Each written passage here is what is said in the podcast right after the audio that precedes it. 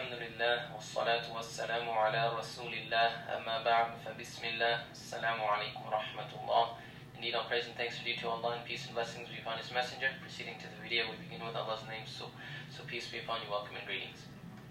So we're going to jump straight now into the refuge, seeking refuge. Before we recite Quran, we always seek refuge with Allah from shaitan, because that's what Allah subhanahu wa ta'ala instructs us to do in Surah Al-Nahl.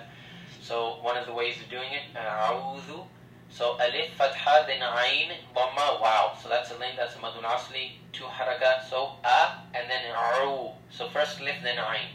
A'udhu. So this is dal. Again, if you're not familiar with the letters right now, please go to another the other video series, which is uh, titled "How to Learn Learn How to Read Arabic." And in there, the first video is the makharij, or the pronunciation of the letters. So basically, the whole point of these videos is to help you understand what you're saying in salah and how to say it properly. And the foundation of all this is in the letters, and the letters are in the previous video.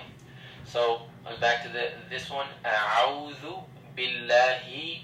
This is ha he mina shay. So not a lot of people here say mina me me, and we only say we only make a kasra like an a sound if the, the next letter has a sukun or shadda. So noon doesn't have a shadda or sukun. So we're gonna say mina, not mina.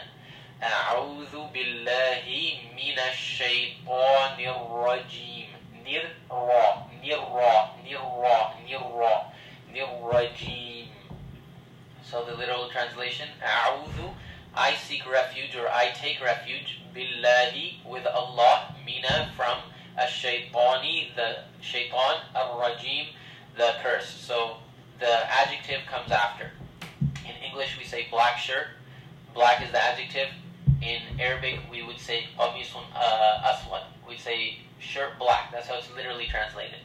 But in our language, we're gonna rearrange the order so just to make the syntax match. So we say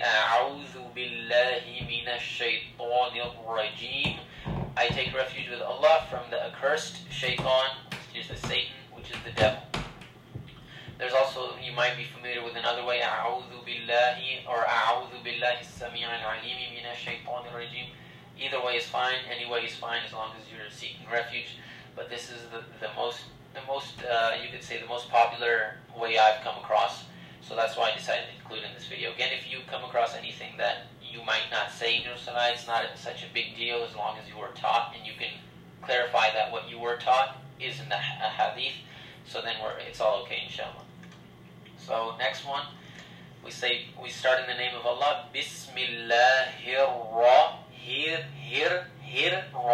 So there's a shut down the ra. Hir ra. Bismillahir.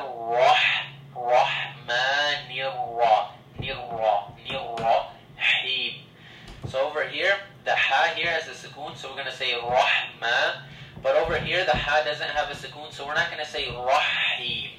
So if you heard me, I merged it. Rahim. We're not going to say that. We want to say Zra, then him. Rahim. Rahim. So there, what you didn't hear me merge it this time. So that's what we want to do. Bismillahir Rahmanir Rahim. One more time. Bismillahir Rahmanir Rahim. So literally, bismi, be the the preposition be in Arabic is used to say with or in.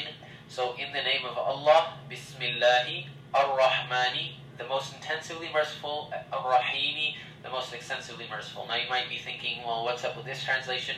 Generally, we're used to most gracious, most merciful.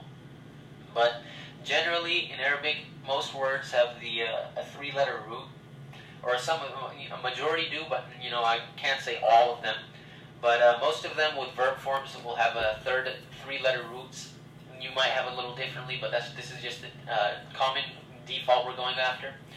So he, ha, and mim. Rahima, you know how we say rahimahullah, may Allah have mercy on him. So the root of ra, ha, mim, also what we translate as rahma, or we call rahma, this means uh, uh, mercy.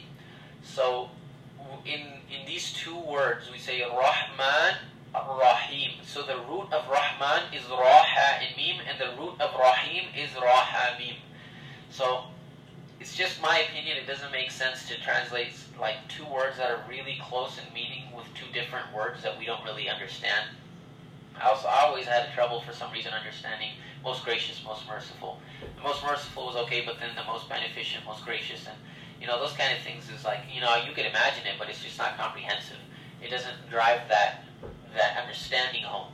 So the verb form Rahman is to show intensity, and Rahim, the verb form, is to show ex, or to show length.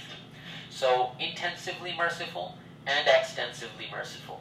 So this, in my opinion, bi'idhnillahi ta'ala is a little bit more comprehensive. It's a little bit more detailed in explanation, and also the the word or the root rahima, rahamim, mercy. So it would make sense that the translation has mercy in both the definitions, but it just shows it, it expresses it a little differently. So that's why Rahman is intensively merciful, and Rahim is translated as extensively merciful. So in the name of Allah, the most intensively merciful, the most extensively merciful. Bismillahir Rahmanir Rahim. And in the next video, inshallah, we'll go to Surah Al-Fatiha. Wassalamu alaikum wa rahmatullah.